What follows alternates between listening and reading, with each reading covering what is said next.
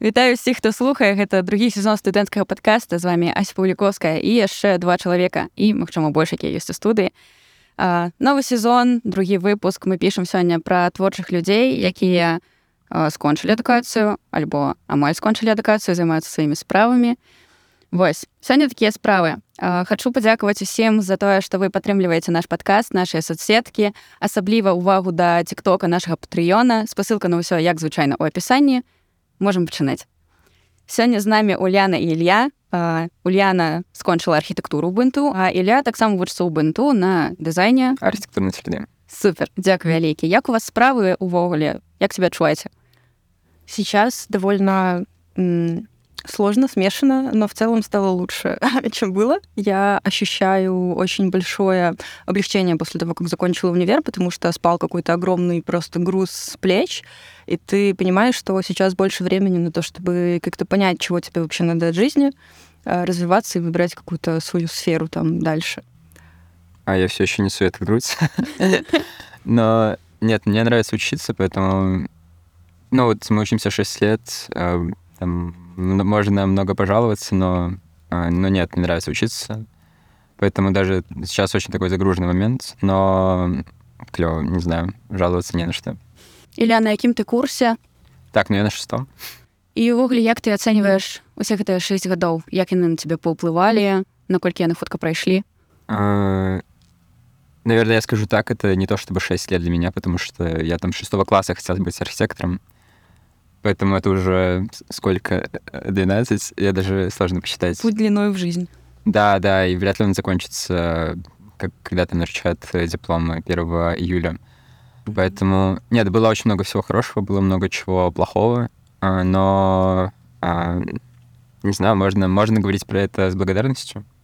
Я, в принципе, хотел учиться на архитектуре, потому что хотел, чтобы меня окружали люди, которые мыслят как-то похоже. Мне было это очень важно. И, с одной стороны, расстроен, что вышло не совсем так, но с другой стороны, если копнуть глубже и не говорить там именно про университет и взглянуть чуть шире, то вышло вот именно так.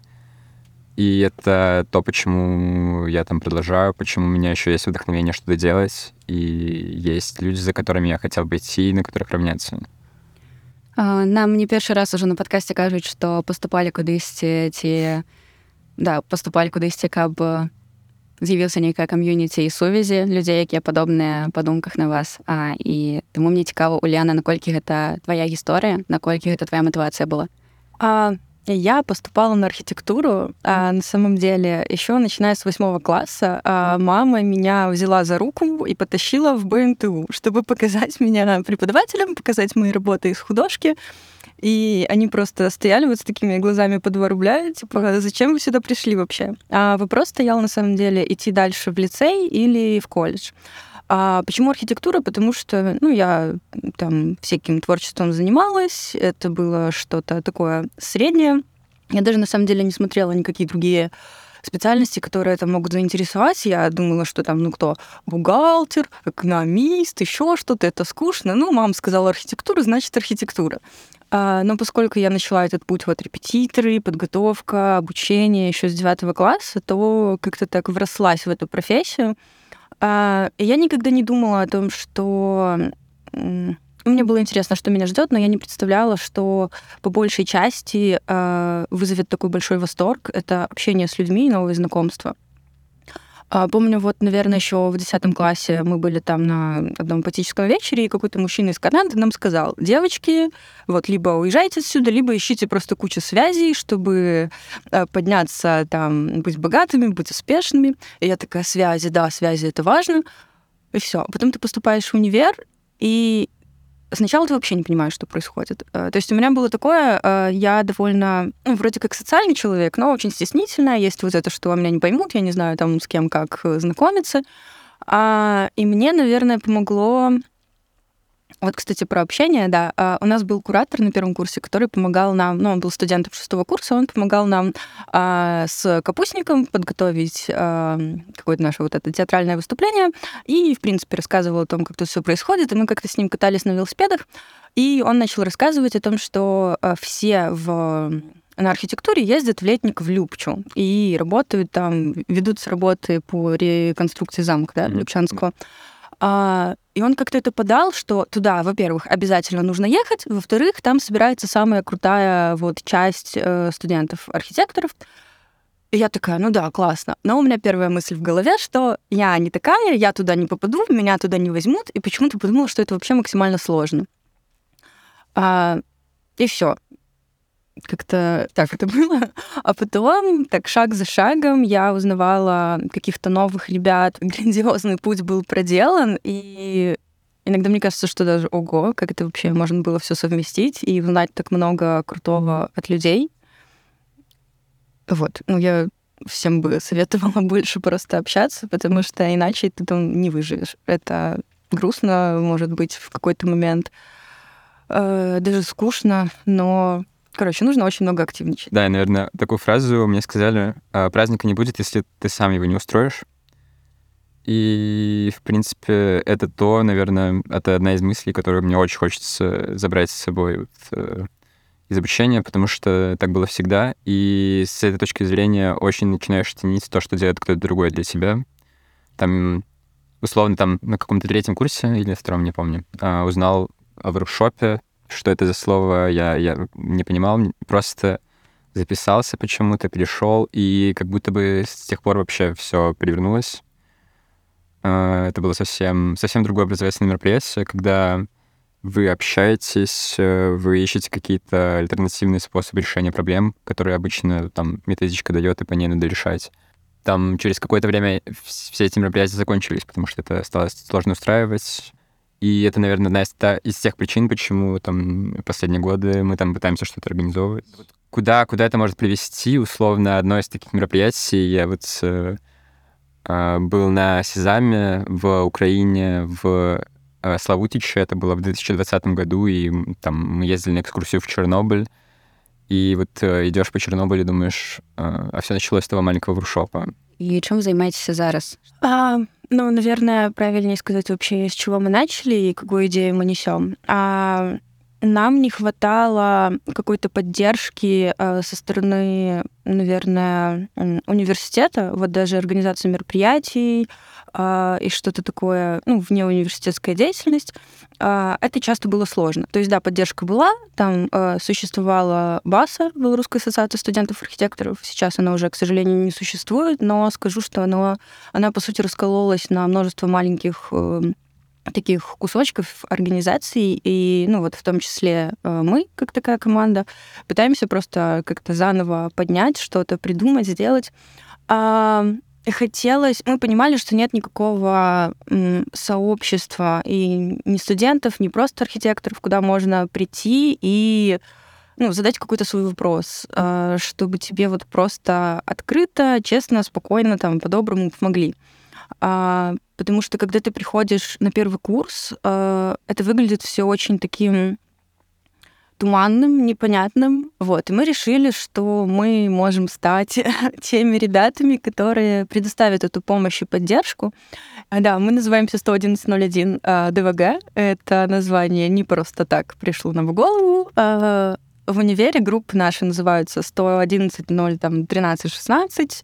Последние две цифры год, когда ты поступал, 111, там, там 15, 14. И мы, короче, вот такие а, решили далеко не ходить. А во-вторых, ну вот Ильяна только что вот рассказывала, а, как все образовалось, для чего. На самом деле, вот у нас четыре человека, и у нас вообще очень разные мотивации. У нас четыре единички. А нолик, а, четыре единички — это каждый из нас, а нолик — это все кто с нами так или иначе контактирует, помогает, спрашивает, да и в целом это вся...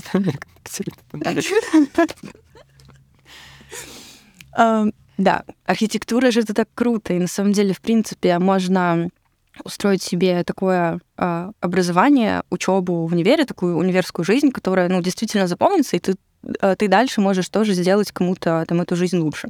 Вот, и мы хотели показать, что архитектура — это не страшно, поэтому у нас в описании профиля архитектура, э, которая не кусается, а, чтобы показать, что это не только те а, проектирования в, на парах, которые очень много чего запрещают. Ну, не запрещают, а скорее там по очень малому количеству норм мы можем позволить что-то сделать, а в итоге как будто некоторые ребята даже не знают, что все абсолютно иначе.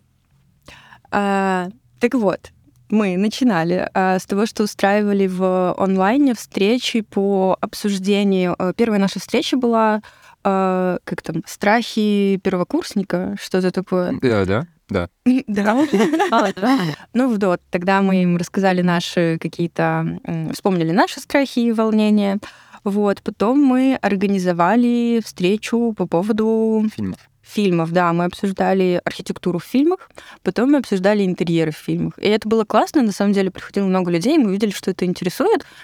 А, и это была такая подводочка к, ну, чтобы прощупать почву вообще, как людям интересно ли собираться, что-то там узнавать.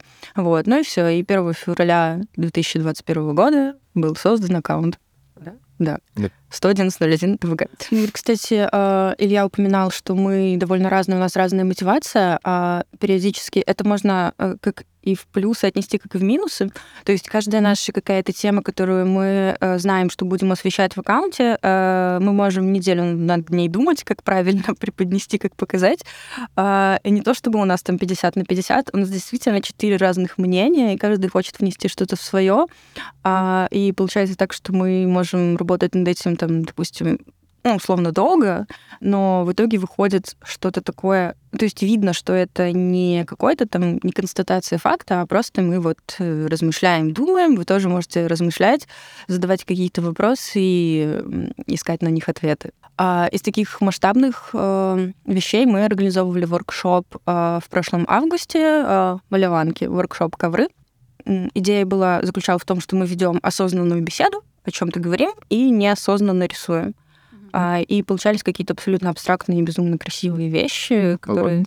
да, сейчас висят у меня дома на стене. В 2020 году, когда мы собрались э, из-за коронавируса, невозможно было никуда поехать. Э, и мы собрались в деревне Грушевка э, Брестской области. И 10 человек, которые просто выехали в какую-то неизвестную деревню, начали обустраивать свой быт, начали изучать местный ландшафт, руины, а, мы пытались э, документировать какими-то архитектурными методами вообще все, что мы чувствуем, потому что а, потому что до этого мы никогда не думали, что так можно. То есть, э, не знаю, там есть там такое огромное здание гумна, это деревянный хлев. Мы там играли в ноги и таким способом изучали вообще пространство, как мы себя в нем ощущаем. И это тот опыт, который очень сильно повлиял на меня и вообще да, дал идею того, архитектурного сообщества, сообщества, в котором э, ты как рыба в воде, которое тебя подпитывает, и в котором общение, ну, такое густое, как кисель. Это примерно то, э, чем что мы называем самообразованием и параллельным образованием. Да, да, вот кисель это само... Кисель самообразование. Як ви навчилися такой самоэдукации праз такія цікавыя пути? Во-первых, это было всегда. То есть это где-то там у ребят на архитектуре уже сложилась такая штука, и мы просто пришли и узнали, что это есть. И когда я не решилась подавать заявку в летник в Любчу, а поступила ну, такая новость, что организовывается летник в Лынтупах. Мы там ну, помимо того, что мы делали вещи, которые должны были быть на практике, то есть мы обмеряли костел, а, там чертили, а, и тогда же нам рассказывали какие-то интересные вещи, лекции, к нам даже белорус фильм приезжали. А потом а, есть еще Сезам, а, маленькая весенняя архитектурная школа. Она случилась в мае 2018 года в а, деревне Черея Белая Церковь в Беларуси. Вот. Я была одна из не организаторов, но хелперов. То есть у нас были ребята, которые занимались организацией, а мы так на подхвате, там нам делегировали какие-то обязанности. Вот. И в том числе э, мы во-первых, там уже получили какие-то навыки э, решать организационные вопросы. И в ходе этого я видела, что э, люди интересуются, люди задают мне вопросы, люди там что-то хотят узнать. А, и там суть была тоже в том, что ты собираешься в деревне на 10 дней, а, делаешь, участвуешь в воркшопах и в лекциях, там даже бывало пьешь беспробудно 24 на 7. И все это такой один большой механизм, который очень много чего тебе дает. Во-первых, в эмоциональном плане, во-вторых, ты просто отключаешься от внешнего мира и не знаешь, где что происходит, просто ты вот есть здесь и сейчас, а, и ты приезжаешь и перезагружаешься, и у тебя появляются новые идеи на что-то такое, вот, класс, хочу изучить там а, новые способы проектирования в мире, которые, о которых еще никто не знает. И как-то оно так работает само по себе, как колесо один раз закрутилось, и все, и оно продолжает крутиться. Могу только добавить вот, да, про колесо, хорошая аналогия, и про то, что, ну, вот просто если сравнивать с обучением, такие штуки, они, во-первых, они куда более личностные, то есть э, университет выдает тебе, не знаю, методички, он э, рассказывает там большим группам людей. А когда ты участвуешь в таких э, маленьких мероприятиях, ты сам чуть больше акцентируешься на себе, можешь анализировать, где тебе комфортно, что тебе нравится, а во-вторых, эм, в таком вот общении даже э, нету такой строгой иерархии, где есть э, тот, кого учат, и тот, кто учит. И в этом вот исследовании э, вот очень много это, ну, это совсем другой подход. Наколькі правильно будет сказать, что университет дае вам скелет, а астатняе уже робіце вы. Мне кажется, университет даже сам считает, что он дает нам скелет, а остальное должны делать мы. Я не знаю, как это сказать, но мне кажется, что это не совсем так. Это потому что скелет это какая-то первоочередная штука, и на ней уже все навешивается, но я бы не сказал, что все так. А мой скелет, по крайней мере, да, мне не университет, я, наверное, так скажу. Я паслухала, як шмат вы распавядаеце пра тое, чым вы займаеце, як шмат чаго арганізуеце і ўвогуле шмат стасункаў з людзьмі. Ці было такое, што вы нейкі момант злавілі штосьці падобнае на выгаранне ці проста злавілі сябе на думках што блин магчыма яно не варта таго ці вам наадварот ваша справа бясконца дае матывацыю ну наверное я бы не сказал что прямо ну, то есть то что мы рассказываем оно распределено по вот э, на 6 лет последних mm-hmm. поэтому я бы сказал мне даже не хватает мне бы хотелось больше поэтому я этим занимаюсь мне определенно нужно больше пытанне зараз магчыма больш да уляны чым ты ў большасці часу займаешься зараз як у тебе справы з размеркаваннем і на што ты траціш свой час пасля сканчэння універсітэту а, я распределилась а, в научно-проектную организацию, которая занимается реставрацией в Беларуси. А, то есть работаю с историко-культурной ценностью недвижимой и на самом деле я в полном восторге, потому что как раз э, директоры, замдиректоры — это те, кто э, были инициаторами организации вот этого первого летника в Лынтупах. С этого все началось, с этого началась моя история, и как-то так вот случайным, я, я не знаю, я прям уверена, что это какая-то энергия, посыл, ниточка за ниточкой привела меня туда, и что все получилось настолько ну, во-первых, лучше, чем могло бы быть, но настолько хорошо, что я прям довольна. А, а в какой-то момент я пыталась понять, чем бы я хотела заниматься еще. Например, а, у меня нет цели остаться там на два года, но я не могу планировать, потому что сейчас планировать это вообще, ну, я абсолютно не знаю, куда я там, куда меня занесет. А, я думала над графическим дизайном, думала над иллюстрацией, а, над чем я только не думала. Я вяжу игрушки. У меня уже мысли там начать свой бизнес, не начинать свой бизнес, уйти куда-то а, в геймдев. Короче, это нечто такое вот большой еще один кисель мыслей и осознаний. Но мне нравится, что параллельно я ну, у меня такое спокойствие, что я на том месте, где я должна быть, где мне хорошо. Я очень благодарна, на самом деле, вот этим шести годам в универе. Они меня выстроили, наверное, как личность именно, ну, не наверное, точно, это было бы странно, наверное, если бы я за шесть лет не, стала кем-то. А... Сейчас, и... правда, больше времени? Да. Круто. Ну, тебе не надо думать о том, что ты там приходишь с работы уставший, не успеваешь поесть, а тебе еще там проект за три ночи сделать быстренько. Вот. И я сейчас, извини, пожалуйста, но я так радуюсь, что у меня не будет зимней сессии сейчас новогодней. То есть мои новогодние праздники — это просто новогодние праздники. Цудона люди, с которыми меня э, свела судьба, и которые дальше привели меня к чему-то, что я сейчас умею, это прям очень здорово. И классно, что это архитектура. Я сейчас, кстати, вот, можно ли назвать это профессиональной деформацией, но я еду по городу и смотрю на домики, там, на панельки, на все вот это старенькое, они для меня живые. Да, я вообще недавно мысль очень крутую услышал про то, что архитектор — это как психотип какой-то. Он включает очень много всего, там, системное мышление, какие-то образные штуки, визуальная насмотренность. Э, и поэтому в этом ключе там э, в IT есть тоже какие-то архитекторы. Э, в этом смысле... Архитектор программирования? Информационная архитектура? Да, может быть. Не разбираюсь. Вот, да, и вот была мысль про то, что, по сути, да, почему нет? Почему, если... Почему вы не считаете себя архитектором? Это если это как такое состояние. Человек с дипломом, почему бы не считать себя архитектором? Ці могу я лічыць сябе адукаваным чалавекам не вось крутое пытанне апошняе звычайна у нас гучыць гэта за што вы можете падзякаваць гэтым шасці гадам увогуле як вы сябе адчуваеце у выніку э, не знаю вот прям планы на жизнь мне бы вот вообще я наверное даже хочется произнести вслух чтобы дать себе какое-то обещание на будущее мне бы хотелось еще где-нибудь поучиться в магистратуре не у нас наверное но хотелось бы да, а, Илья из будущего, ты должен это сделать. Я бы не хотел, там, не знаю, вернуться в прошлое, что очень сильно что-то изменить.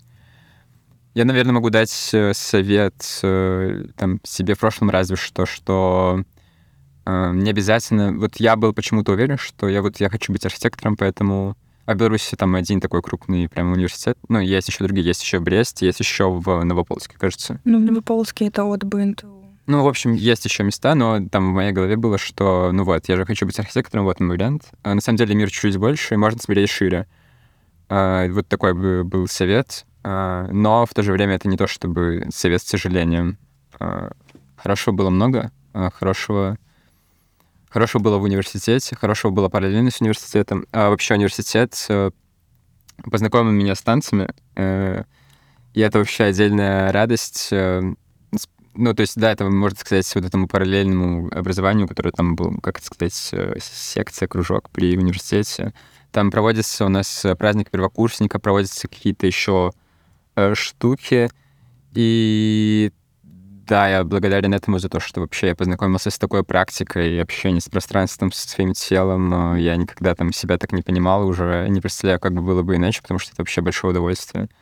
Вот, я благодарен вообще очень многим людям. А, я благодарен не как-то, не хочется сказать не безразличным, но а, воодушевленным а, преподавателям.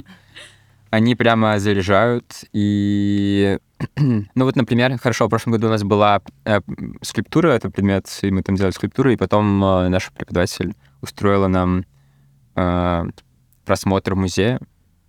Ну, и это, ну, это потрясающе, мне кажется это такой подход к работе, который, ну, можно было не устраивать, можно было даже вот просто фотографии скинуть на в Телеграме, и на этом бы все закончилось. Нет, ну, это намного сложнее, да. Это требует времени, сил, это требует там больших нервов, но это делается, потому что, ну вот, не знаю, ради нас, ради себя, ради идеи. Выход за рамки такой. Да, это вообще это то, что вдохновляет, поэтому я бы хотел, чтобы было больше таких э, преподавателей. Я бы хотел, чтобы люди, которые там э, а, выпустились, они как-то вот... Э, вот это, наверное, идея про сообщество, что чтобы все общались, вот это как-то передавалось, вот это вот э, оно перетекало, прощалось, люди заряжались этим энтузиазмом. Да, чтобы не заканчивалось, не останавливалось. Да. Я очень благодарен всем площадкам, кстати, которые принимали наши мероприятия. Ну, не только наши, которые там, потому что сейчас этого не хватает. Не хватает места, в котором можно было бы физически собраться. Mm, да, да. У нас даже Физически в университете нету своего корпуса. У нас... Э, у нас нету корпуса, и раньше у нас было хотя бы какой-то кусок библиотеки, где мы все занимались, сейчас даже такого нет. То есть все кабинеты здесь раскиданы по студенческому городку, и нету места, где бы все пересекались. Это на самом деле очень плохо, потому что нет точки, за которой мы закреплены, мы там как лист на ветру шатаемся, как, как много, много, как много листьев, они никогда не соберутся в кучку, а, к сожалению. Поэтому вот это пространство очень важно. Э, хотелось бы, чтобы оно было. Ладно, я еще очень благодарен архитектуре за то, что она такая многогранная, и за то, что я попробовал себя очень много где, и все еще хочу пробовать очень много. Понимаю, что архитектура — это такая многогранная штука, и в, какой в какой-то степени развивает э, дает подсказку, что это можно развивать. Сидишь рядом, и меня даже заряжаешь энергией. Да, мне что-то делать. А, я благодарна универу а, за стрессоустойчивость. То, что Ох. я перестала винить себя за то, что я что-то не хочу делать. А, я в какой-то момент перестала воспринимать э, университет как э, только э, образование. Это как школа жизни такая. Ты учишься как вести себя в тех или иных ситуациях, учишься работать с нехваткой времени, планировать свое время. Коммуникация — это прям очень важно. И, ну, естественно, люди, с которыми я познакомилась, это вот прям такой столб э, вдохновения, силы, энергии, которые мне дают. А многим передаю привет и спасибо а, всем тем преподавателям. Они знают, что они сделали много для нас. И, боже, просто можно вечно говорить о том, как передается эта энергия и вдохновение, но нужно ощутить это самостоятельно, только тогда поймешь, о чем идет речь. Это было очень классное и разнообразное время. Я на самом деле... О, есть такая штука, что когда проходит какой-то там промежуток времени, ты забываешь все плохое, а твоя психика тебя спасает от негативных э, воспоминаний. И я сейчас, мне кажется, на таком же этапе а, у меня остались только там прям ну, не только, но в основном какие-то положительные моменты. Я начинаю вспоминать все с первого курса, с второго, с третьего. А, и чувствую, что я очень активно прожила это время и начинаю даже немножко скучать. Хотя я думала, что это не будет еще лет пять. Я думаю, это цудоўная кропка для того, каб поставить кропку нашему сённяшняму выпуску. А, дзякую вам вялікі за ўдзел за тое, што прыйшлі за тое, што зацікавілі, я думаю, і мяне і ўсіх, хто слухаў падкаст, Таму што я пад поўным уражаннем на тым, наколькі вы натхнёныя тым, чым займаецеся. Я хочу нагадаць усім, хто слухаў Дзякуем вялікі за тое, што слухаеце, за тое, што падтрымліваеце і што мы падкаст пішам на студыі 42. Спасылка на іх інсту будзе таксама ў апісанні. клас.